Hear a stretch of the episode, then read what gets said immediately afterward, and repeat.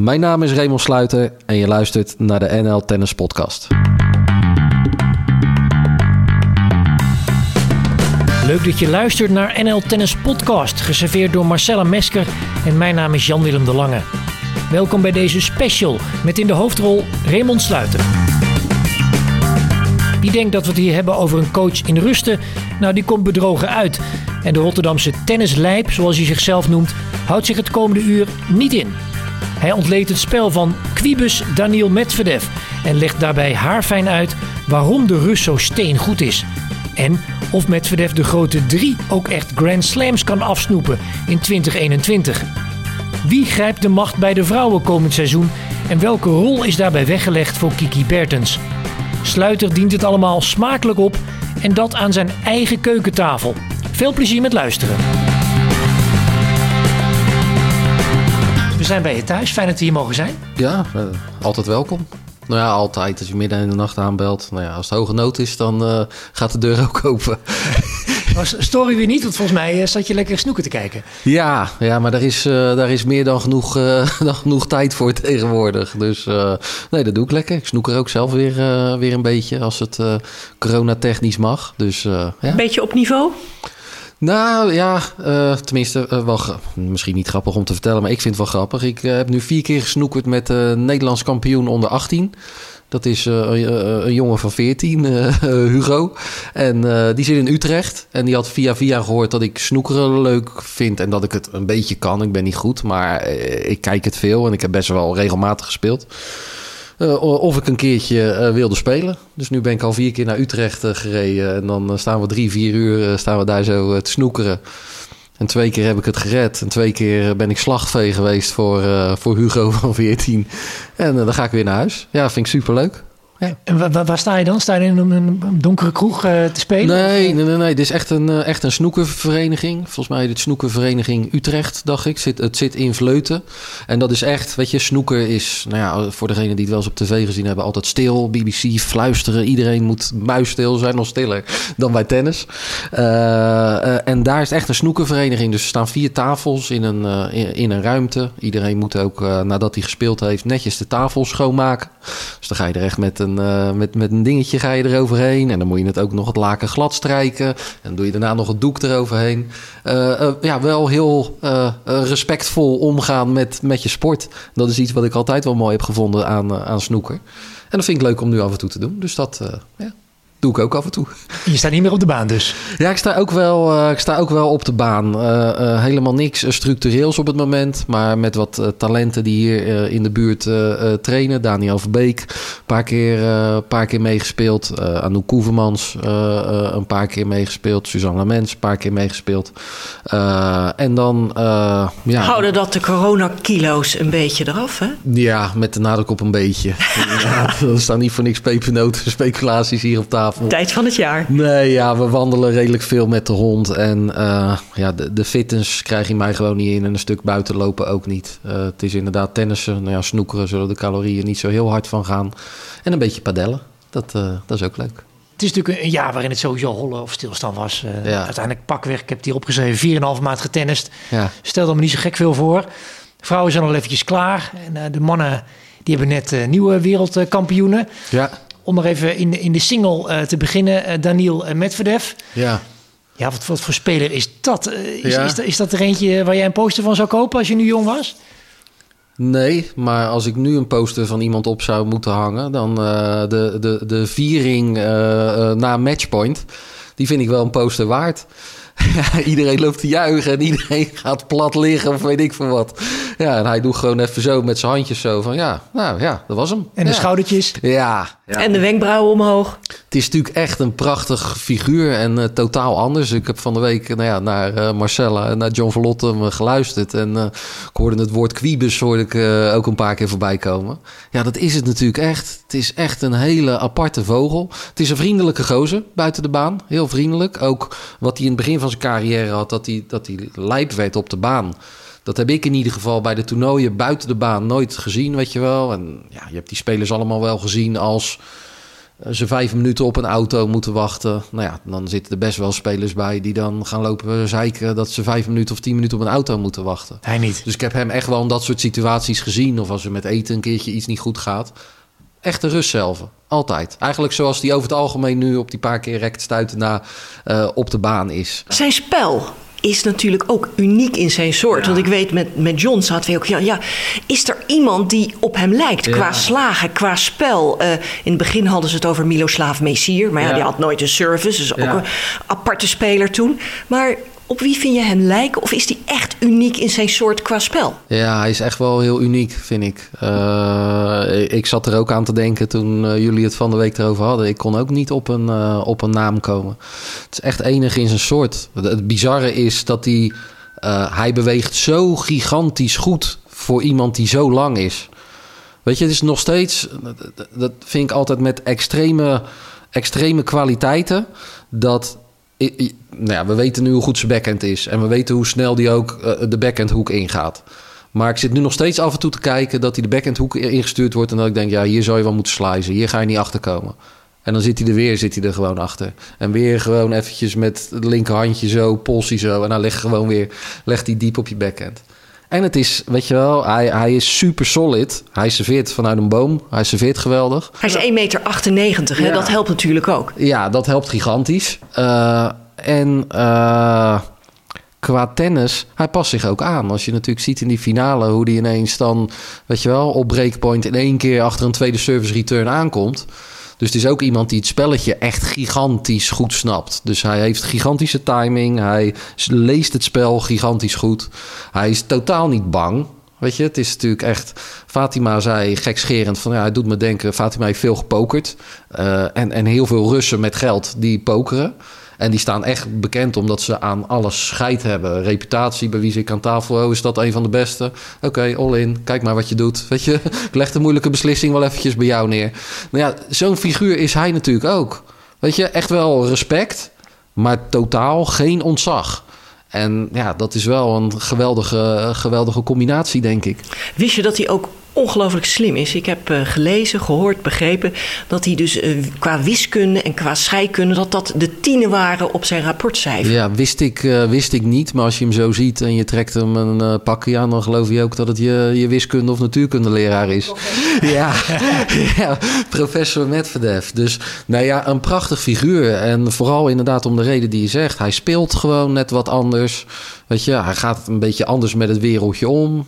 Niet te juichen. Nou ja, we hebben natuurlijk vorig jaar een beetje de confrontatie in New York gezien. Dat hij vol tegen het publiek inging. En middelvingers. En Muntjes gooien. Uit, uitjoelen. En iedereen mocht alleen maar meer gas geven. Ja, fantastisch. Weet je. Uh, ja, ik, ik, vind het, ik vind het een geweldige speler. Ik kijk er echt gigantisch, uh, gigantisch graag naar. Ondanks dat zijn spel niet per se qua techniek bijvoorbeeld heel ooglijk is. Hè? Want dat moet ik ook wel even zeggen. Ja, ja maar dat, dat zegt het dus maar weer. Weet je, de uh, backhand kan je technisch wat van vinden. Alleen, die is zo bizar goed. Die backhand is zo bizar goed. Die slaat echt gewoon... Je kan echt de 50 eurocent muntjes kan je, kan je in het veld leggen aan de overkant. En die gaat die echt raken echt zo'n schuiver. Zo. Het is, uh, hij zal waarschijnlijk ook heel goed in curling zijn, denk ik. Want het is echt, het is echt zo'n schuiver, alsof hij hem over dat ijs uh, schuift. Uh, de voorhandkant moet hij inderdaad iets harder werken. Die achterzwaai is wat groter. Maar ja, hij wint de ATP-masters van Nadal, Team en Djokovic. Dus zo slecht is die voorhand ook niet. Niemand heeft hem dusdanig aan die voorhandkant in de problemen kunnen brengen... dat het, dat het echt afbreekt. Dus ja, weet je, technisch, ja, het ziet er allemaal niet zo geweldig uit. Maar des te mooier dat het dan dat het balletje gewoon komt waar het uh, over het algemeen moet liggen. Is hij de grote uitdager voor het komend seizoen om uh, ja, die top drie, om daar een plaatsje te veroveren? Weet je, een, beetje ondergrondgevoelig natuurlijk. Want het is niet voor niks dat hij op Gravel geen wedstrijd heeft gewonnen. Volgens mij hoorde ik jou ook van de week zeggen dat hij Roland Gros nog in één keer een wedstrijd heeft gewonnen. Dus het zal voor Medvedev zal het altijd heel moeilijk worden om daar ook echt uh, om daar je stempel te gaan drukken. En als je daar weinig punten haalt, denk ik dat het heel moeilijk wordt om, ja, om over een Nadal, een goede Nadal en een goede Djokovic heen te komen.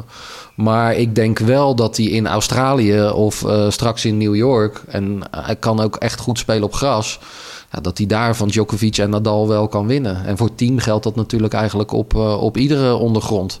En dat zijn wel de twee jongens natuurlijk ook gebaseerd op, op deze week. Ja, waarvan je zegt van ja, die kunnen het Er is, Weer, hè? En Tsitsipas. Ja, ook. ook. Die hebben het natuurlijk eh, eh, alleen... Ja, voor mijn gevoel hebben zij het wel al laten zien. Maar zit er af en toe ook nog wel een, eh, een, een dipje in. Team, als je kijkt, is natuurlijk redelijk steady nu. Weet je, op, op bijna alle ondergronden. Met Verdef had zijn dipje, maar heeft zijn dipje dus vooral op, op gravel gehad. Wat gewoon echt, ja, dat snap je ook wel. Als je timing gerelateerde slagen hebt, ja, dan is het gewoon moeilijker om zelf vaart te creëren. Dus gravel zal voor hem altijd lastig, lastig blijven. Eh, maar het grootste gevaar komt van die jongens. De Canadezen. Ja, de- Auger Aliassim, Ja. Shapovalov. die jongens die kloppen natuurlijk al min of meer eigenlijk, eh, eh, eigenlijk aan de deur. Lijken over het algemeen redelijk eh, nuchtere en, en goede boys. En er zitten goede teams zitten erachter. Maar ik ben benieuwd of, dat, of, of die ook een volgende stap kunnen maken. Ik denk dat dat best nog wel lastig gaat worden. Omdat die andere gasten zo verdomd goed zijn. Kijk, en als een eh OJ Aliassim straks in Australië halve finale wil spelen, dan ga je dus waarschijnlijk ga je in je laatste drie, vier rondes, ga je eh, derde of vierde ronde, ga je al eh, Zverev tegenkomen. En als je van Zverev wint, staat in de kwart, staat Djokovic of zo op je te wachten. Als je al door die eerste drie rondes heen komt. Dus voordat je die extra stap ook echt qua resultaten gaat maken, moet je, ja, moet je echt door hele goede spelers heen komen. Hey, Djokovic, je noemt hem al even. Nadal deze week. Hoe heb jij naar hen gekeken? Ja, ja Djokovic natuurlijk. eh, eh, ik, ik was benieuwd of hij of die het vuur weer een beetje kon vinden. Volgens mij gaf jij ook commentaar bij zijn wedstrijd tegen Sonego, dacht ik. In, was het Wenen? Ja, schandalig hè? Ja, gewoon een tank. Kun- ja, het, is, het is heel triest eigenlijk dat hij daar geen... Je volgt wel alles hè? Ja, ja, ja. Nee, ja, ja. Ik ben tennislijp en dat zal ik altijd blijven. En ik vind het heerlijk om, eh, om thuis te kijken en, eh, en te luisteren. Alleen dat was gewoon een tank. Daar had hij gewoon een waarschuwing en een boete voor moeten, voor moeten krijgen. Want dat was gewoon lack of, eh, lack of effort, zoals de Engelsen zeggen. Leuk voor die Sonego trouwens. Geweldige, geweldige speler. Als we het toch over de Italianen hebben, komt er weer eentje voorbij. Maar veelzeggend voor hoe Djokovic ook in zijn vel zat dit najaar misschien? Ja, het gewoon laten, weet je. Had die nummer één positie, oké, weet je. En dan daarna ook gewoon met een hele droge statement komen. Zo van, boeit me eigenlijk niet. Jongens, Buiten is ik- binnen? Ik, ik, buiten is binnen. Wat jullie er voor de rest van, van vinden, boeit me niet. En eigenlijk is het natuurlijk volgens mij het verhaal van zijn hele carrière geweest... dat hij het altijd heel erg belangrijk heeft gevonden wat mensen van hem vinden. Want hij wil eh, in dezelfde populariteitscategorie als Nadal en, en, en Federer terechtkomen. Ja, dat gaat, dat gaat hem niet worden. En ja, nu heeft hij tik op tik gekregen met eh, de disqualificatie op de, op de US Open natuurlijk. En dan daarna die afslachting van Nadal eh, in Parijs. Waarvan hij misschien niet verwachtte dat hij hem zou winnen. Maar had ook niet verwacht dat hij zo dik zou verliezen. Dat zag je hier gewoon terug. Hij probeerde het wel. En een Djokovic op 70% is nog steeds een waanzinnig goede tennisser. Alleen je zag gewoon het vuur en je ziet dan die cynische lachjes een beetje bij hem wanneer hij een bal mist, weet je wel. Er een beetje een deken overheen hè? Ja, daar hangt dan echt een deken overheen. En ik ben heel benieuwd of hij, eh, of hij begin volgend jaar weer, eh, weer kan gaan schakelen. Want het is gewoon. eh, ja, hij is gewoon, maakt echt gewoon een hele aangeslagen indruk. Als je dat dan vergelijkt met Nadal. Weet je, hoe Nadal hier zo weer staat. Toernooi nooit gewonnen. Nu wel eindelijk een keertje door, door alles met corona meer tijd om zich voor te bereiden. En ook frisser. Ja, als je dan ziet hoe hij het aanvliegt. Hij verliest die wedstrijd tegen Medvedev gewoon puur op dat hij niet comfortabel genoeg op de ondergrond is. Eh, en dat hij niet heel veel wedstrijden gespeeld heeft. Maar ja, je, het ligt niet aan zijn, aan zijn attitude. Nooit natuurlijk. Eh, en dat is, wel een, eh, ja, dat is wel een groot verschil. Wat dat betreft, Nadal. Ja, ik, ik geniet daar ook van om daarnaar te kijken. Als je ziet hoe hij tactisch 6-3, 5-4 voorkomt tegen Medvedev. Hè, als je in eerste instantie eh 20% van je backhand sliced in, in de, je eerste drie poolwedstrijden. En vervolgens in die halve finale zet je geloof ik op, op 60 of 70% van je backhand slice. Het feit dat je, dat je je zo aan kan passen, ja, dat vind ik wel geweldig. Dat vind ik echt. eh, Op zijn 34ste. hè? ja, maar dat vind ik mooi. Weet je, hoe je dan vervolgens met... Nou ja, zij zijn dus met z'n allen gaan zitten. Oké, tegen die Medvedev. Ja, oké, die vindt het heerlijk als die snelheid naar zijn backhand krijgt. Dan heb je gewoon echt een groot probleem. Wat gaan we doen? Gaan we dan zelf meer slijzen? Ja, oké, moet je zelf wel wat meer verdedigen. Ja, oké, maar als die dan neutraal naar mijn voorhand gaat... dan ga ik er weer wat meer overheen. Hoe ze die puzzel met z'n allen eigenlijk eh, ja, proberen op te lossen. Puzzel jij trouwens mee als je kijkt? Ja, Ja, ik puzzel altijd. Ik, uh, misschien ben ik even coach in rusten, maar ik ben nooit, nooit coach in rusten. Je praat als coach en dat is heel mooi om te horen. Ja, maar als ik zit te kijken, dan denk ik van... goh ja, wat zou, wat, zou, wat zou ik nu doen? Wat zou ik tegen een speler zeggen? Of als een wedstrijd verloren zou zijn tegen een speler... Ja, wat zou je anders gaan doen als je volgende keer tegen deze speler of speelster uh, speelt? Dat... Maak je ook notities? Nee, dat niet. Nee, nee. Zou ik misschien wel wat meer uh, moeten doen. Want het kan natuurlijk altijd nog een keertje van pas komen. Uh, ja, nee, zeker wel. Schijnbaar heb ik het gevoel dat de computer nog zo goed uh, werkt dat het niet nodig is. Maar het zou wel iets zijn wat ik zou kunnen doen.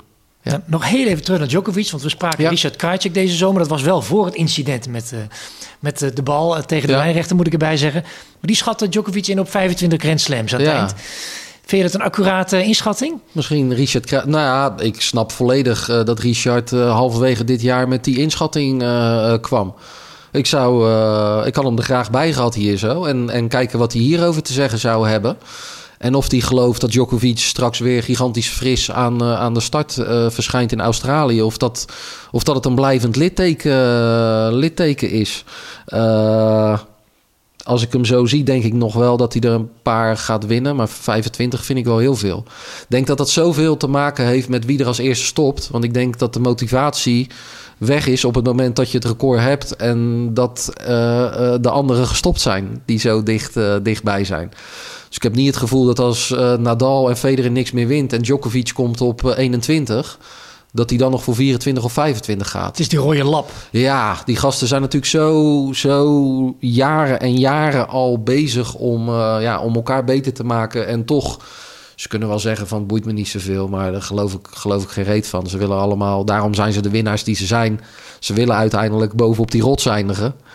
Ja, weet je wel, dan denk ik dat op het moment dat ze ja, dat er twee wegvallen, dat de ander ook zoiets heeft van ja, dan ga ik ook niet heel lang meer door. Je noemt uh, Federer, 39 jaar, volgend jaar wordt hij 40. Uh, als hij Australië gaat spelen, als het doorgaat, dan is het een jaar exact na dato dat hij in actie is geweest. Ja. Wat verwacht jij van hem? Ja, ik heb ooit één keer, uh, toen, ik, uh, toen hij zijn mindere fase had, was volgens mij net voor zijn racketwissel. Ik weet niet meer 2013. precies. Ja, zoiets het geweest zijn. Gezegd, niks meer. Nee, dus die fout ga ik echt nooit meer maken. Al gaat hij straks op zijn zestigste een comeback maken. Dan zou ik misschien zeggen, nou, best of five is misschien lastig. Maar best of three op een snel baantje wint hij gewoon nog toernooien. Uh, dus dat, durf, dat durf ik... Ja, ik, ik durf het niet te zeggen kan alleen maar hopen dat hij, uh, dat hij, dat hij, dat hij scherp... Nou ja, scherp zal hij sowieso zijn... maar dat, dat het lichaam niet te veel tegen gaat sputteren. Want ergens gaat dat punt natuurlijk een keer komen. Ja, dan fitte Federer is zo'n gigantische aanwinst. Ja, qua naam natuurlijk altijd, maar ook qua, qua tennis. Uh, en ik denk ook iemand die die andere jongens echt nog nodig hebben om beter te worden. Omdat hij natuurlijk een spel speelt wat, wat niemand speelt. Weet je, uh, iedereen gaat... Ja, ja, weet je wel, de, de compleetheid van Ogier Aliassim is, is er ook wel. Maar de, de finesse van Federer hebben ze allebei niet. Weet je wel, echt de, de, de driekwart slice of zelfs de, de korte slice op de servicelijn spelen... waarop je tegenstander eigenlijk niks kan. Je kan hem, ja, je kan er achteraan komen. Ja, kom maar eens weer even. Ik weet dat je klote volleys hebt nog op het moment. Weet je wel, kom maar naar het net. Ja, dat, ja die, die hebben er niet zoveel. Weet je, volgens mij heeft hij ook wel een keer in een interview... en hij is altijd heel erg uh, gematigd met zich hè, uh, over anderen uh, uitdrukken... Wat ik, wat ik ook heel mooi aan hem vind... Maar hij heeft een keer ergens gezegd: uh, we hebben veel meer geweldige atleten die super tegen een bal aan kunnen slaan. Maar we hebben niet per definitie betere tennissers dan 20 of 30 jaar geleden. En dat, ja, dat, dat snap ik wel. En het mooie is dat hij dat spel nog, uh, nog wel kan, uh, kan spelen. Ja, we hebben heel veel eh, over de single nu gepraat. Maar toch mooi om nog even stil te staan bij die, die man die je al smoor verliefd hebt gezien eerder dit jaar. ja. En die eindigt dan ook nog eens keer het jaar als, als wereldkampioen. Ja. Wesley, Wesley Koolhof. Ja. Geen vage, vage bekende van je. Nee, iemand die je echt wel kent. Hoe hoog sla je, sla je aan wat hij heeft neergezet in, in Londen? Nou ja, ik denk dat je rustig van de ATP Finals kan zeggen dat het dat het de, de vijfde grootste prijs is na de vier Grand Slams. Hè, vroeger, hè, dan klink je ook zo oud, maar dan had je het nog over eh, Miami was het volgens mij altijd. Hè, werd een beetje het vijfde Grand Slam. En nu is dat misschien iets meer Indian Wells. Maar als je gewoon puur naar de punten kijkt, voor, voor Indian Wells en Miami krijg je de 1000. Voor de ATP Finals krijg je er, dacht ik, 1300. Dus ja, dat is simpelweg gewoon het grootste toernooi naar de Grand Slams. Nou ja, hij speelt finale US Open, halve finale Roland Garros. En hij wint dit toernooi. Waar hij de US Open finale echt degene was die minder speelde. Uh, ja, was, nu speelde hij de hele week goed. En uh, ja, en hij trok echt. Uh, hij trok zijn partner echt een beetje uit het slop in die finale. Want die was degene die in die tweede set echt wat minder begon te spelen. Nou ja, met de dingen die vooraf hadden gespeeld. Hè? De, de wisseling van partners en de boodschap die hij had gekregen. Terwijl die verwachtte eigenlijk nog jaren met hem te spelen. En ook al een afspraak met hem gemaakt had kan me best voorstellen dat het dan best wel lastig is van hoe ga ik iemand benaderen. En Wesley is ook niet zozeer snel een gigantische leider in het dubbel in de zin van ik ga mijn partner hier even gigantisch oppeppen. En dat deed hij hier wel. En dat leidde er wel toe dat Nicolai weer beter ging spelen in die super tiebreak en dat ze wonnen. Dat is echt uh, ja, fantastisch, fantastisch eind. En uh, ja, super blij voor die gozer. Geweldige gozer. Ja, en, een geweldig voorbeeld ook voor anderen hè, om aan te geven, hou maar vol. Dus iemand die blijft investeren in zijn carrière. Ja. Uh, vroeger nooit het grootste talent, maar wel altijd hard gewerkt. Dik twee jaar geleden stond hij 40 en vroeg ik een beetje tussen neus en lippen door aan hem, wat, wat is je doel? En toen zei hij nummer 1 van de wereld worden. Toen dacht ik zo, oké, okay, 40 staan, daar horen nog wel... Daar horen nog wel wat stapjes tussen. Ik vond het wel heel goed, maar ik had wel zoiets van: oké, okay, hij zei ook niet van, nou ja, dan moet ik zorgen dat ik eerst hier daar sta en eerst daar sta. Nee, het was gewoon, nee, dat is echt wel mijn doel. En Marco Kroes, een trainer, die zei precies hetzelfde de volgende dag. Want ik denk eens even polsen hoe, hoe dat daar zo zit. Of die er ook hetzelfde over denkt. Die zei het ook, gewoon nummer 1 van de wereld. Dan dacht ik zo, oké, okay, dus niet bang. Nou ja, je ziet nu, weet je, hij is nu gewoon een van de beste dubbelspelers van, uh, van de wereld. En misschien was die afgelopen week wel, uh, wel de beste. Van de mannen naar de vrouwen, want die hebben we natuurlijk ook. Ja. Uh, en het is een interessant jaar geweest. Met boeiende winnaressen. Kenin, Osaka, Sviontek. Ja. En eh, ik gooi hem er maar meteen in. Ja. Wie, wie is er klaar voor de machtsgreep bij de, bij de vrouwen in, in 2021? Is er iemand die er toch bovenuit steekt? Ook al is het zo, zo wisselend. Nee, denk helemaal niemand. Uh, denk als je nu een lijstje zou gaan maken, dan, uh, dan kom je op 15, minimaal 15 namen uit die, uh, die kunnen winnen. We hebben het met, nou ja, jij spreekt het wat beter uit. Ik doe het op zijn Rotterdams gewoon Swiatek. we hebben het gezien. Ja, weet je, we, ik heb de laatste jaren haar wel zien spelen. En wel zoiets gehad van, ja, die gaat wel top 20 halen op termijn. Want die heeft wel bepaalde kwaliteiten. Maar in één keer gewoon die streep doortrekken op Roland Garros en uh, alles in twee setjes winnen. Ja, dat had ik ook niet durven callen. En zo zijn er natuurlijk nog wel een paar meiden. Weet je, het, is, het ligt gewoon allemaal dicht bij elkaar. Noem het maar op. Uh, uh, Osaka, als een fitte Andrescu straks weer terug is, die natuurlijk geweldig kan spelen. Kvitova, als ze ze raakt, kan ze van iedereen winnen. En dan zijn er nog een heel bataljon meiden. Nou, Muguruza. geeft wel aan dat hij niet het eerste bij je binnenkomt. Nou ja, die heeft dit jaar uh, heel, weinig, heel weinig gespeeld. Staat nog wel nummer 1 inderdaad. Ja, die zag ik met een biertje op de tribune zitten. Ja, vind ik dan ook wel, weer, uh, ook wel weer mooi. Maar die noem ik dan inderdaad nog niet eens. En dat is ook iemand die... Uh, ja, die voor, uh, die voor alle Grand Slam titels speelt. Dus echt, echt geen pijl op te trekken. Voor mij in ieder geval niet. En een fitte Kiki heb ik ook niet te horen noemen bijvoorbeeld. Nee, een fitte Kiki kan dat, uh, kan dat ook. Alleen dat is natuurlijk maar totaal de vraag hoe die, uh, hoe die eruit gaat komen. Die had, ja, de Achilleshiel. De Achilleshiel van... Ja, ik, ik heb daar te weinig zicht op uh, op het moment. Weet je, ik, ik heb de, de, de verslagen wel gelezen. En nou ja, ik heb wel een berichtje gestuurd met succes en sterkte en thanks Ray. Maar het is niet dat er veel contact is van, nou ja, gaat wel beter of weet ik veel wat. Hoeft ook helemaal niet.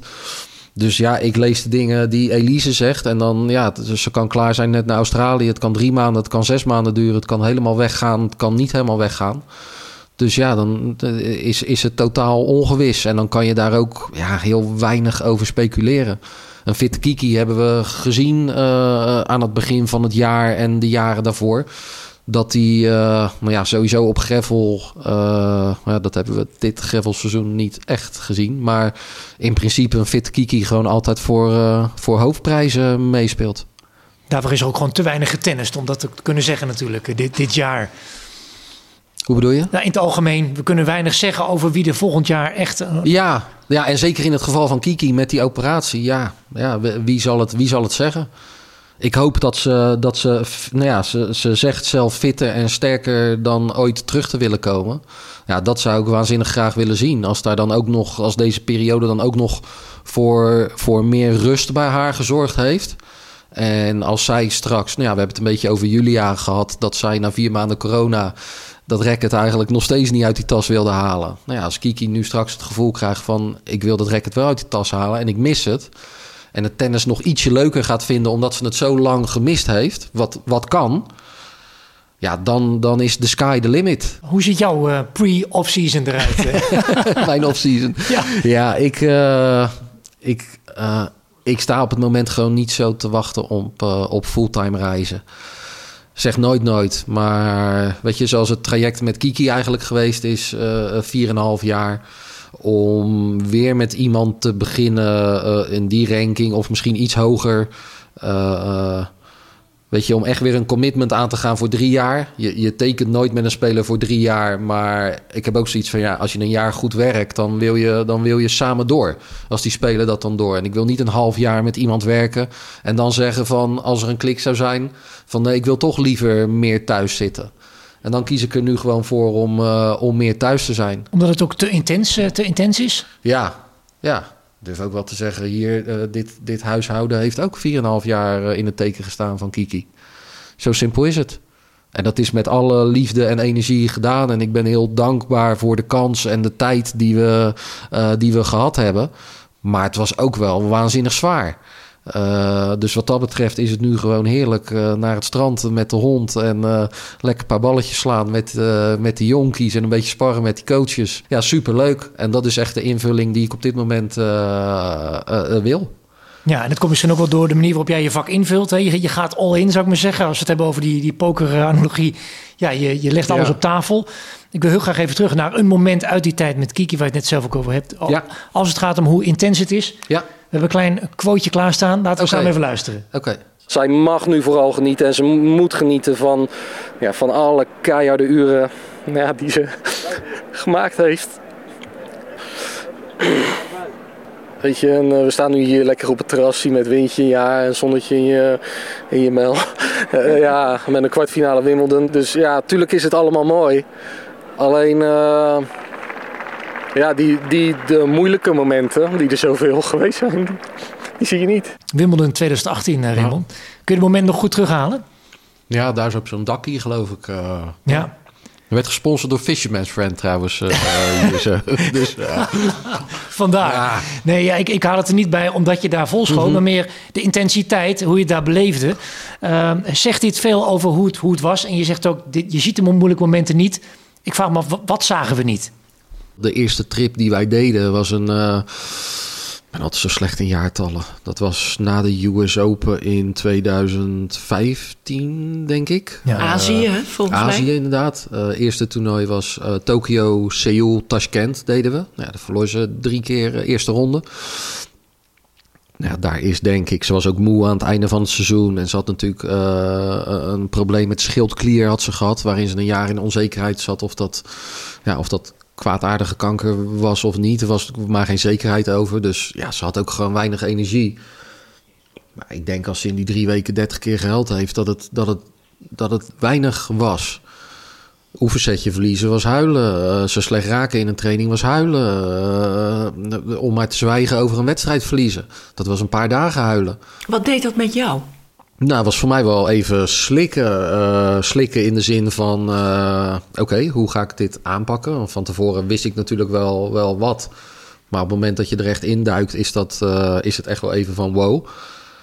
En mezelf wel even over de confrontatie heen moeten zetten. In de zin van: wow, dit is, dit is zo zwaar voor jou.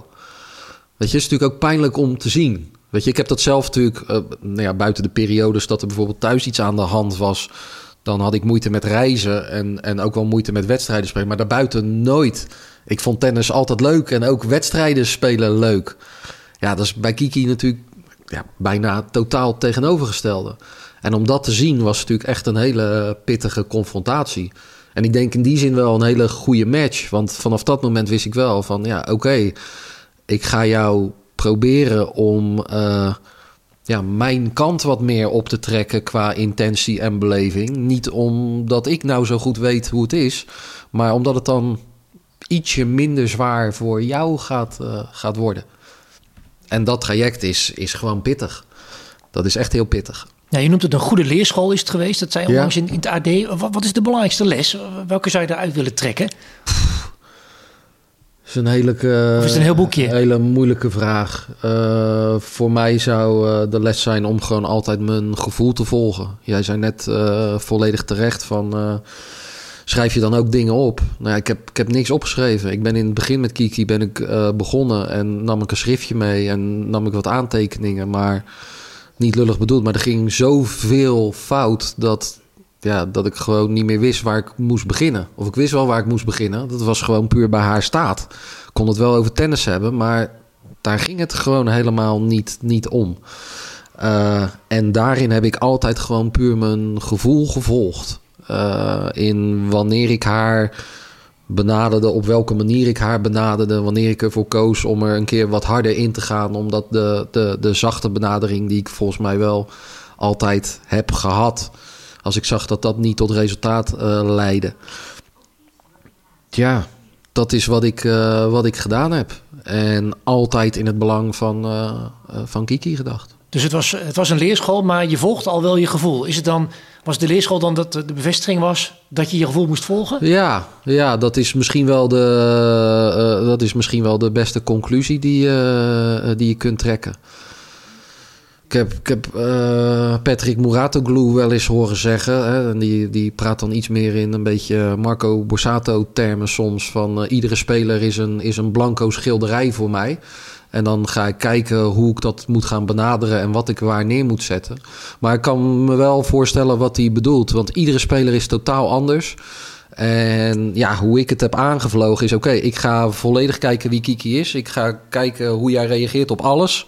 Ga kijken waar al jouw eigenschappen vandaan komen. En op het moment dat ik dat weet, ga ik ze stuk voor stuk proberen iets op te schuiven. Zodat jij daar makkelijker mee kan leven. En van daaruit ook beter kan tennissen. En op het moment dat we daar iets meer rust in hadden.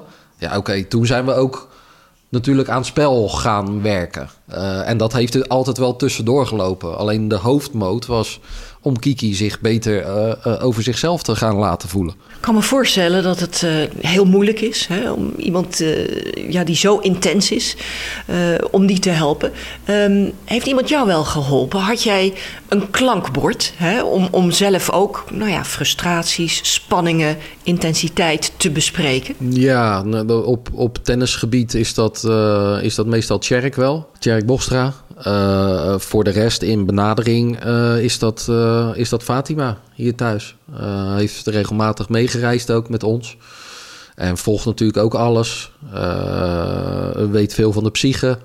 Ik merkte ook al de eerste paar keer dat Fatima meeging naar toernooien... dat ik bijvoorbeeld al iets uit, nou ja, bijvoorbeeld gewicht. Kiki wilde in het begin totaal niet zeggen tegen mij hoeveel, ze, hoeveel ze woog. Dat wilden ze gewoon niet zeggen. Nou ja, dat, dat zegt heel veel. Weet je wel, dat ze daar natuurlijk niet happy mee was. Maar dan kon ze zoiets wel als Fatima bijvoorbeeld mee was. En dan hadden ze het ergens over. Ja, ja ik woog nu. Uh, of uh, ja, toen ik uh, vakantie had gehad, toen zat er drie kilo aan. En toen woog ik, weet ik veel wat het was, 72. En nu staat weer terug naar 68. Dan dacht ik, wacht even.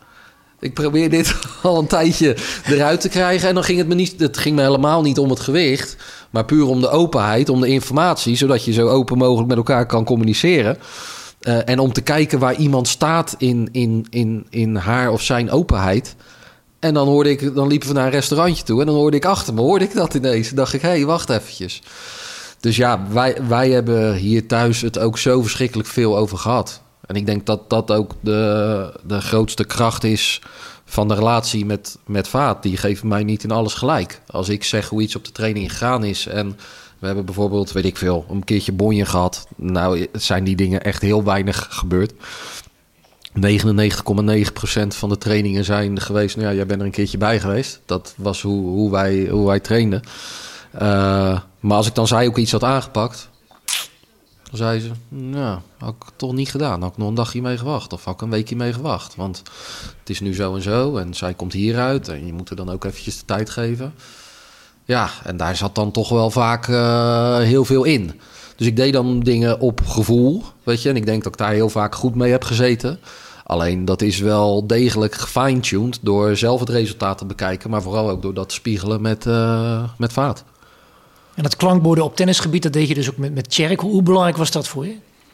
Ja, nou ja, Tjerk is uh, gewoon een vriend van me. Dus dan had je het sowieso had je het over dingen. Maar dat gebeurde ook niet. Het was niet op, uh, op, op hele regelmatige basis. Klankborden werd uiteindelijk natuurlijk met, met Elise vooral.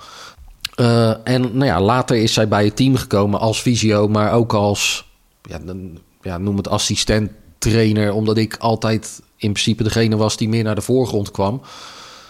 Wat ik daar nog wel even over wil zeggen. Eh, ik ben nooit degene geweest die op de voorgrond wilde. Alleen dat is ontstaan in de samenwerking. Omdat Kiki dat in het begin natuurlijk gigantisch lastig vond. Dus dan dacht ik, haal ik de kastanjes uit het vuur voor je. Dan kan ik in ieder geval een duidelijk en helder verhaal vertellen tegen de pers. Waar jij nog niet echt uitkomt. Alleen ja, op een gegeven moment gaat die, gaan die rollen die gaan draaien. En zo moet het ook, want zij moet naar voren komen. Ja, en dan gaat dat natuurlijk wel eens botsen. Kijk, ik heb maar één versnelling en dat is eerlijkheid en openheid. Dat is mijn versnelling. Maar ja, ik kan me best wel voorstellen dat zij op een gegeven moment zoiets had van... ja, dit, had je, dit hoef je niet met iedereen te delen. Hoe heb, je dat, hoe heb je dat dan daarna aangepakt? Want jij bent ook, je wilt ook jezelf blijven en wat je zelf ook eerder zegt, op gevoel blijven handelen. Nou ja, dat is de reden dat we nu, eh, een van de redenen dat we nu niet meer samenwerken. Want dan moeten bepaalde dingen ook wel op mijn manier. Is natuurlijk, weet je wel, zij heeft uiteindelijk de beslissing gemaakt om niet meer samen te werken. Maar ik heb daarvoor wel gezegd, als wij nog samenwerken, dan moeten bepaalde dingen wel veranderen. Want anders kan ik mijn werk gewoon niet goed meer doen. Dan ben ik gewoon niet genoeg van waarde. Uh, dus ja, dat, dat, daar, daar botste het een beetje. Of botste, botste. Daar dachten wij anders over, uh, over zaken. Als het even over, over jezelf gaat. We leerden je eerst kennen als tennisprof. Hè? gaan we alweer een stukje terug ja, in de tijd. Nogal. Uh, toen als coach. Ja. En je bent ook altijd een grappenmaker geweest. Je noemt jezelf op Twitter een scheidlollige ex-tennisser. Het staat recht. Ja, het meest bekeken clipje met jou op YouTube. Weet je zelf wat het is eigenlijk? Ik vrees bananensplit. Precies. Ja. Nou ja, dat past in die lijn. Ja. Zeker weten. Ja. En, en, toch heb je ook sombere periodes gekend in je leven. En, ja. Dat klinkt toch op het eerste gezicht, als je dat zo leest, als een hele bijzondere combinatie. Kun je dat uitleggen? Ja, al volgens mij hebben. Niet dat ik nou een comedian ben of zo, maar volgens mij heeft. Uh, hoe heet hij nou? Een van die uh, Amerikaanse filmacteurs ook die uh, zelfmoord gepleegd heeft. Robin Williams hoor ik hier, mm. hoor ik hier achter me. Die, die heeft dat ook gezegd. Dat, dat je mensen wil laten lachen omdat je weet hoe slecht het voelt om je slecht te voelen. En dat zit er bij mij wel een beetje, een beetje in. En uh, ja, weet je, ik heb gewoon uh, de tikken die ik gehad heb, die waren gewoon te veel voor mij om, uh, om vrolijk door het leven door te gaan. Ik, nou ja, oké, opa en oma verloor ik binnen anderhalf jaar. Ja, dat gebeurt, kan je nog wel plaatsen. Maar mijn broer en zijn vrouw verloren hun, hun dochtertje van vier. Ja, dat kan je niet plaatsen. Ben niet gelovig, dus kan niet, kan niet denken van ze is in een betere wereld of ze heeft het beter. Het is helemaal geen betere wereld. Want het is gewoon, haar plek was bij mijn broer en, en zijn vrouw thuis. En bij hun zoon. Uh, ja, was gewoon te veel. En ja, als je dan de neiging hebt om als je dan je eigen leed hebt, en ik heb dan ook wel de neiging om het leed van mijn broer uh, aan te trekken en van de rest van de familie. Ja, dat is gewoon een hele, hele slechte cocktail om je, om je heel slecht te gaan voelen. Als ik denk van ik voel me echt zwaar kut hierdoor, maar hoe moet mijn broer zich dan wel weer voelen? Dat is dan. Dat is een gedachte waar je geen reet aan hebt. Dat is wel empathisch, maar je hebt er geen reet aan. Want ja, hoe voelt mijn broer zich? Ja, nog slechter. Ja, en dan? dan mhm. ga je dus nog slechter voelen. Maar zat dat toch ook al in toen je, toen je jonger was? Nee, eigenlijk niet. Eigenlijk, eigenlijk dus pas achter in de twintig ja. gebeurd? Ja, wel, wel, ik kon me wel dingen heel erg aantrekken als er iets in de familie was. Of als ik bijvoorbeeld met mijn ex-vriendin een ruzie had of zo. Dan kon ik heel moeilijk schakelen naar uh, de volgende week wel gewoon goed tennissen. Maar echt die, die donkere kant, of noem het maar gewoon depressie, daar heb ik nooit last van, uh, last van gehad. Is gewoon echt te veel, uh, te veel harde klappen moeten verwerken en daar de uitweg niet in vinden. Weet je wel, ook schuldig voelen op het moment dat je na een half jaar wel weer een keer lol hebt. Want ik mag geen lol hebben, want Het is niet leuk meer, want er zijn, er zijn, ze zijn er niet meer. Ja, als je dat jezelf iedere keer gaat vertellen en dat maar uit gaat stellen... en als je dan na een jaar als vaat zegt van kom op, we gaan wat doen... Uh, we gaan eventjes naar het strand of weet ik veel wat. En je zegt van nee, geen energie. En, en zij zegt kom op. Uh, en je antwoord daarop is ja, maar ik ben aan het rouwen. En dat is het na een jaar. En dat is na anderhalf jaar. En dat is na twee jaar. En het antwoord kan zo lang blijven als je wil. Alleen dan ben je gewoon, uh, ben je gewoon depressief. En dan moet je er op een gegeven moment moet je er een keer wat, echt wat aan gaan doen. En dat heb je gedaan? En dat heb ik gedaan. Ik heb bij een psychiater gelopen. Ik heb zelfs aan de, aan de antidepressiva gezeten. Uh, en ik ben helemaal niet van de pillen. Uh, bij hoge uitzondering is het paracetamolletje als ik het echt hier zo voel bonzen. Maar voor de rest helemaal niet. Maar ja, die man zei van ik zou het even doen. Ik zou de scherpe randen er even afhalen nu. Want dan uh, kan je gewoon iets rustiger dit traject ingaan. Nou ja, die man die heeft mij verteld hoe ik, uh, hoe ik een beetje in elkaar zat. Ga je ook over, over je opvoeding ga je praten van... goh, nou ja, daar zit, daar zit heel veel goeds in. Uh, maar ja, daar zitten ook wel dingen in die je nu tegenhouden om, om verder te gaan. Ja, en eigenlijk, nou ja, wat ik nou ja, met Kiki heb geprobeerd, of hoe ik haar heb geprobeerd te helpen. Zo heeft hij mij geholpen. Hij heeft mij geholpen hoe, hoe dit tot stand is gekomen, hoe ik me zo slecht kon voelen. Uh, ja, en op het moment dat hij dat aan mij aangaf, dacht ik: hey, wacht even. Ja. ja, ik denk dat wel, maar die gedachte, daar heb ik niks aan. En dan kan je die gedachten, die denk je nog steeds wel. Want je kan je gedachten natuurlijk niet uitschakelen. Maar als je dan een slechte gedachte hebt, dan neem je hem gewoon voor kennisgeving aan. Ja, oké, ja zo werkt mijn hoofd. Ja, heb je geen reet aan. Oké. Parkeren. En dan kan je hem iets makkelijker inderdaad parkeren. En dan kan je van daaruit, in mijn geval in ieder geval, kan ik weer makkelijker, uh, makkelijker door. En dus sta je nu veel lichter in het leven en is ook weer meer ruimte voor die ja, toch typerende humor? Ja, volgens mij wel. Ik voel me gewoon, uh, ik voel me hartstikke goed. Weet je, ik heb ook echt, ik heb ook geen donkere of vervelende momenten meer gehad. Ook eigenlijk in de tijd met, met Kiki niet. Dat was, dat was zwaar. En je kan je natuurlijk best wel voorstellen dat je, ja, je bent zo intens bezig in dienst van iemand anders dat je jezelf verliest. En dat je daar misschien weer een randje over zou kukelen. Maar ook dat niet, omdat het ook vooral zo verschrikkelijk mooi en leuk was. Ook op het moment dat het minder ging, weet je. Gewoon een hele, hele, dankbare, hele dankbare tijd. Ik weet niet of je het uh, een beetje hebt gevolgd in de media, maar er is, is best wel veel over te doen. Koen Smet, een hordenloper, Gregory van der Wiel, uh, voetballer, ja. hebben ook moeilijke periodes gekend. Ja. Zijn daar heel open geweest, over ja. geweest in de media. Uh, waarschijnlijk komt het nog veel meer uh, voor, hè, maar dat mensen het toch een beetje voor zich houden. Um, Denk je dat, dat er in de topsport ook meer aandacht voor uh, zou moeten zijn voor het mentale gedeelte van de mens, van de topsporter? Zeker. En dan uh, niet alleen voor, uh, voor datgene waar je mee bezig bent, de sport, maar vooral ook voor na je leven. Weet je, dan moet je ook uh, problemen op kunnen lossen. En sterker nog, dan moet je er nog veel beter in zijn. Want je kan misschien wel denken dat na tennis dat allemaal makkelijker wordt. Maar dat is, dat is gewoon echt niet zo. Je zou denken bij een topsporter met incasseringsvermogen, werklust, uh, veerkracht... Ja. dat het juist makkelijker Egoïsme. zou zijn. Egoïsme. Hè? Zeker. Ja, ja, maar dat soort dingen moet je daarna wel gaan leren. En uh, ja, ik zou, het, uh, ik zou het echt iedereen aanraden. En dat komt natuurlijk de namen die je net al, uh, net al noemde. maar als we dus in het tennis kijken, Iga Swiatek... die zat gewoon met een mentale trainer, mentale trainster zat ze in de box. En oké, okay, dat, dat valt en zij kan goed tennissen. En, Is dat de toekomst? In het internationale tennis. Steeds meer sportpsychologen die meereizen. Ik denk wel dat dat steeds meer gaat, uh, gaat komen. Omdat daar gewoon gigantisch veel winst te behalen valt. Want dat is, blijft natuurlijk het probleem van topsport. Als je CEO van ABN AMRO wil worden... ja, dat word je waarschijnlijk als je 50, 55 bent. En daar heb je dus 30 jaar voor om die kennis op te doen. Ja, je kan die kennis als tennisser nog wel kwijt, zoals ik misschien een beetje als coach uh, daarna of in andere gedaantes, maar niet meer voor je eigen carrière. Dus alles moet op fast forward. En daar, ja, daar, dan zit je wel op dun ijs. Zou het niet sneller moeten gaan dan het gaat? Als je ook kijkt, hè, Koen Smet zegt, topsporters worden te weinig begeleid in het mens zijn. Gebeurt het wel snel genoeg in jouw ogen? Ja, maar dan heb je het dan heb je het dus echt over dan, dan moet een speler of speelster in eerste instantie of gewoon echt totaal blind varen op een coach. En de coach zeggen van, ja, ik denk dat het goed is als. Of de speler of speelster moet zelf van een baan afstappen en uh, weet ik veel, uh, 6-3, 5, 4, 40, 0 voorgestaan hebben, het verneukt hebben. Kan allemaal een keer gebeuren, meerdere malen zelfs.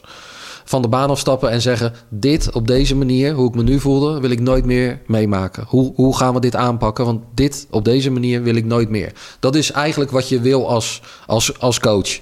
Want dan gooit de speler de deur wagenwijd open en dan kan je overal gaan zoeken naar manieren om, uh, om beter te maken. Als die manier er niet is, dat was natuurlijk met Kiki vaak wel een beetje openbreken. de strijd. Dan is het openbreken, open vroeten. Dan is het, ik weet niet of je de serie Prison Break hebt gezien, maar dan gaan ze hè, aan de achterkant van het toilet gaan ze met een pennetje maken ze het gat steeds groter, zodat je eindelijk een keertje er doorheen kan. Ja, dat heb ik natuurlijk bij haar wel geprobeerd, maar dat is op dat vlak is dat nooit gelukt ik heb haar denk ik mentaal kunnen helpen. En heel veel mensen hebben haar mentaal kunnen helpen. Maar ik had graag gezien dat, dat uh, zij echt structureel met iemand aan de slag was gegaan. Die daar uh, nog meer van af weet en die daarvoor gestudeerd heeft. En waar er een klik mee was. Uh, en dat heeft ze niet gewild. En dan, weet je, ze heeft het fantastisch gedaan. En zij is zoveel beter met dingen om gaan gaan in de laatste paar jaar. Alleen voor mijn gevoel uh, ligt daar nog steeds wel voor haar de meeste, de meeste winst. Jij hebt in jouw tijd nog wel eens boeken gelezen van uh, Eckhart Tolle. ja. Hè, een Duitse auteur ja. over spiritualiteit. Ja. Leven in het hier en nu. Ja. ja. daar heb jij toen veel aan gehad. doe je daar nog steeds wat mee? Nee, daar doe ik eigenlijk niks mee. Waarom van... moet je lachen? Ja, ik moet lachen omdat inderdaad dat soort dingen ben ik gewoon allemaal vergeten. Ik ben echt van ik, ik, denk, nou ja, door de, door de intense periode met Kiki, maar ook door, nou ja, door de depressietijd die ik gehad heb, dat eigenlijk alles wat daarvoor is van mijn eigen carrière, dat is best wel één grote brei. Maar daar zaten inderdaad de boeken van de Eckhart Tolle zaten er ook in. En uh, daar heb ik toen veel aan gehad. Alleen die had het ook over knuffelen met bomen en zo. Weet je wel, daarom moest ik een beetje lachen. Dus ik had stukjes in de boeken had ik, uh, had ik aangestreept. Uh, maar andere stukken had ik weer helemaal niks mee. En soms helpt het, helpt het wel. alleen ja, om alles in zo'n boek als, maar als bijbel dan te hebben, weet je wel, daar ben ik niet zo van. Denk echt over het algemeen dat iedereen op zoek moet gaan naar datgene waar hij of zij wat aan heeft. Weet je, en haal dan wat dingetjes uit de boeken. En ja, voor de rest uh, laat je de boel lekker als het je niet, uh, niet aanspreekt. Ja, en, en als je dan op de tour bent, eh, kan ik me voorstellen, je hebt wat aan goede begeleiding, maar ook aan, aan goede contacten op de tour. goede mensen om je heen, hè, dat, dat hoor je van iedereen. Um, wij hebben een, een, een, bericht ontvangen van iemand met wie je heel goed kunt. Uh, iemand, uh, ja, een, een, vriend van je durf ik wel te zeggen. En die heeft iets, iets ingesproken voor je. Okay. We gaan even luisteren. Voor mij is Raymond een bijzonder mens. Um, ik ken hem al, nou, al 100 jaar. En het mooie aan Raymond is dat hij nooit veranderd is in zijn persoonlijkheid. Uh, oprecht, betrouwbaar uh, en vooral uh, een warm persoon die um, ja, tennis als passie heeft, maar het belangrijkste, vooral het menselijke aspect, zo um, integer bovenaan heeft staan, dat dat uh, ja, eigenlijk in alles terugkomt. En dat uh, zie je ook als, als, als tenniscoach. Ik denk dat hij uh, een persoon echt kan ontwikkelen. En niet alleen qua tennis, maar ook als mens. En dat maakt Raymond wie die is. En dat het heel fijn en veilig om hem in je omgeving te hebben. Um, ik beschouw hem daardoor ook echt als een goede vriend die ik heb overgehouden aan, uh, aan een sportcarrière. En dat uh, ja, is mij heel veel waard. Dus Raymond uh, heeft een bijzonder plekje in mijn hart. Zo, Raymond. Zo, mooie woorden. Ja, ja John is. weet je, John, ja, John is een goede gozer. Toen, toen ik het moeilijk had, was John de eerste die hier zo voor de deur stond. Weet je wel, hij stuurde een berichtje en ik heb het heel lang heb ik het een beetje verborgen gehouden en zo. En dat was het moment waarop ik zei van ja, gaat gewoon kut met me. Volgende ochtend stond hij voor de deur. Kwam hij hier zo heen. Weet je, en dat zegt voor mij heel veel over, uh, over John. En uh, ja, we hebben elkaar de tent uitgevochten. We hebben ruzie gehad op, op de baan. We hebben ruzie gehad op de poeltafel. We hebben ruzie gehad op het voetbalveld. Alleen ja, daar is wel gewoon een, uh, een, warme, een warme band. Uh, een, een, een, vriendschap, ondanks dat wij elkaar ook gewoon maanden niet kunnen spreken. eh, is die er wel. En uh, ja, wat John zegt over mij, dat, dat is ook gewoon wel hoe ik probeer te zijn, hoe ik probeer te leven. Ik heb het Jurgen Klopp wel eens horen zeggen van ja, ik probeer met mensen te werken, ik probeer ze beter te maken en ik probeer vooral ook goede mensen te vinden die in bepaalde aspecten beter zijn dan ik, die de ploeg nog meer kunnen helpen. En dat voelt niet als werk, dat is gewoon een way of life. Ja, ik doe het op mijn manier. En ik ben daarin heel gezegend met een vriendin die mij ook gewoon zo laat. Want dat heeft ook voor haar wel eens. Uh, uh, uh, brengt dat wel eens lastige dingen met zich mee. Want in het geval van Kiki is het dus gewoon niet van. Oké, we werken even twee uurtjes. Dan is het alleen maar daarmee bezig zijn. En die energie is er dan dus niet hier. Maar ja, zou ze ook wel denken: ja, dat is die mafkees. Voor de rest hebt hij een goed hart.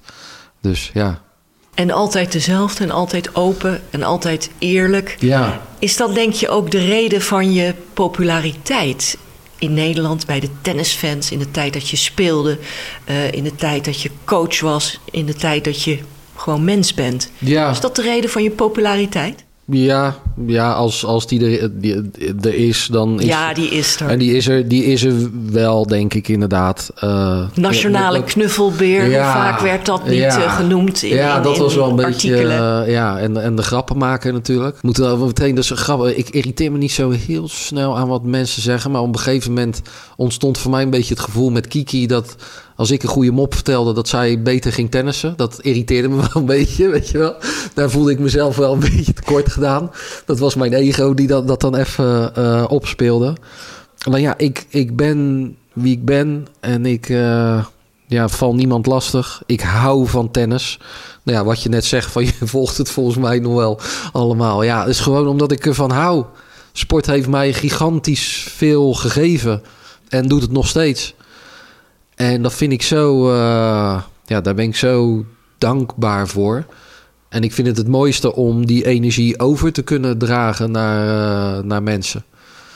Ja. We hadden het uh, voordat we begonnen met de podcast of de knop aanzetten, hadden we het even over de media en hoe ja. topsporters, toptennissers omgaan met de media. En dat jij altijd zo open was en eerlijk, geen wantrouwen, eigenlijk als een van de weinigen. Ja. Is dat ook jouw advies aan uh, ja, sporters van nu? Want uh, vaak zijn ze zo gesloten of ja, niet helemaal eerlijk of bang misschien Ja. voor de journalisten. Jij had dat niet. Ik had dat niet. En als ik, als ik daar een advies zou moeten geven, zou ik aanraden om uh, altijd eerlijk te zijn op het moment dat het over, over jezelf gaat.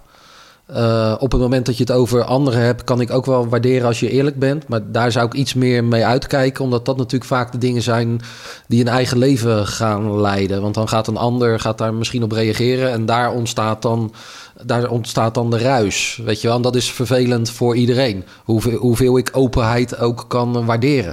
Ik weet dat Robin Hazen had een keertje iets gezegd in de krant. Uh, uh, in het AD of zo. Toen hadden ze hem gevraagd van... ja, waarom doe je nou niet... Maar, maak je niet een keer een persconferentie... als je verloren hebt een geintje, zoals Raymond. En toen legde hij het uit. En toen eindigde hij met... Uh, ik ben liever... Ik sta liever bekend om mijn tennisresultaten... dan om mijn geintjes. Nou ja, dat vond hij naar mij toe. Vond hij dat uiteindelijk... las hij het terug en had het er wel in laten staan. Toen stuurde ja, Race, sorry... want het klinkt wel een beetje lullig en zo. Ik zei, maak je het niet druk. Het is toch helemaal, is helemaal prima wat je, wat, je daar zo, wat je daar zo zegt. Alleen daar zou wel iets kunnen ontstaan. Als ik me gigantisch aangesproken voel, of dat is niet zo, of weet ik veel wat. Dus naar anderen toe zou ik uitkijken. Voor jezelf zou ik gewoon ja, echt zo eerlijk mogelijk zijn. Want jij, ja, wat... jij wond de journalisten wel om je vinger Ja. op een positieve manier. Ja, dat was er wel, maar ik was ook gewoon eerlijk.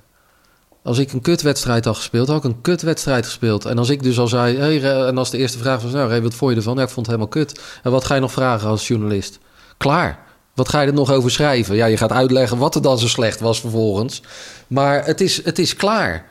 Als ik daar een verhaal ga zitten, ja, ja, vond niet zo heel erg slecht. Ja, oké, het waren 17 dubbelfouten en uh, 25 aanvalsballen gemist. En uh, ja, maar ik vond het toch niet zo heel erg slecht. En ik, heb ook, ik sliep ook slecht, weet je, die kussens hier zo in dit hotel. Ja, die zijn ook gewoon niet goed. En dat ontbijt, weet je, ja, die muesli, die stond volgens mij ook al een weekie. Ja, dan geef je mensen gewoon munitie om, uh, ja, om daar wat van te vinden. Om je een zeikert te vinden. Hoe, hoe waar het ook kan zijn wat je zegt. Want soms zijn er natuurlijk gewoon dingen. En dat mag je dan ook wel benoemen. Maar als jij keer op keer op keer op keer het in externe factoren zoekt... ja, dan vinden mensen je gewoon een zeikert. Ja, dus- nee, nee. Ik zocht nou ja, en dat heb ik met, met coachen volgens mij ook wel geprobeerd. Dus ik zoek altijd eerst gewoon de, de oorzaak bij mezelf. Wat kan ik zelf anders doen? Had ik zelf iets anders kunnen doen waardoor deze situatie niet ontstaan is? En dan vervolgens ga ik eens een keertje denken, als ik dan echt helemaal 100% zeker weet van, nou ja, klopt ongeveer volgens mij wel wat ik gezegd en gedaan heb. Zou het misschien ook bij iemand anders kunnen leggen? Van, van de mensen sluiten we toch nog even terug naar de tennisser, uh, Raymond. Uh, daar willen we het eind van het gesprek toch nog even bij stilstaan. Want als we het dan toch even op een rijtje zetten. uh, uiteraard vier ATP-finales. Waaronder eentje hier, nou, negen kilometer vandaan, uh, geloof ik, in Ahoy. Die kant op. ik wees totaal verkeerd. Ja, een klein gokje. Ja. Nooit meer sterkste kant Maakt geweest. Oké. Okay. Hoogste ranking 46. Ja. En een heel mooi rijtje met, met, met lekkere zegens. Onze eigen top drie. Kavelnikov, Centercourt, Wimbledon. Juan Carlos Ferrero in de Davis Cup in Eindhoven. En natuurlijk nummer 1 van de wereld, uh, Hewitt in Stockholm. Ik ben benieuwd, staat jouw eigen favoriete zege hier ook tussen? Poeh, eigenlijk nooit zo over nagedacht. Ik denk inderdaad wel dat ik denk ik op dezelfde top 3 uit zou komen. Kavelnikov was echt heel lekker. Uh, maar dat had ook wel een beetje een geschiedenis. zijn toch dingetjes die, die spelen. Uh, ik heb een keer met hem getraind in Halle was ik 19. Hij was gras. Ja, en ik, ik was nou ja, zo groen als gras. En uh, sorry, heel slecht. nee, maar ja, zo werkte het dus. Uh, en zijn naam stond in het schema uh, Looking. Hij had niemand om mee te spelen. En ik was daar met uh, Atletic Huis, met mijn trainer toen. En die zei, nou ja, dan gaan we gewoon spelen. En ik begon al een beetje te bibberen, want ja, zo stoer was ik toch niet. Van, ja, dan gaan we met Kavelnikov spelen. Hij zegt, ja, is goed voor je. Hup, gewoon doen. Naam erbij gezet. Oké, over een uurtje Kavelnikov. Ik warming-upie doen. Hup, twee uur of drie uur. Drie uur zouden we trainen, geloof.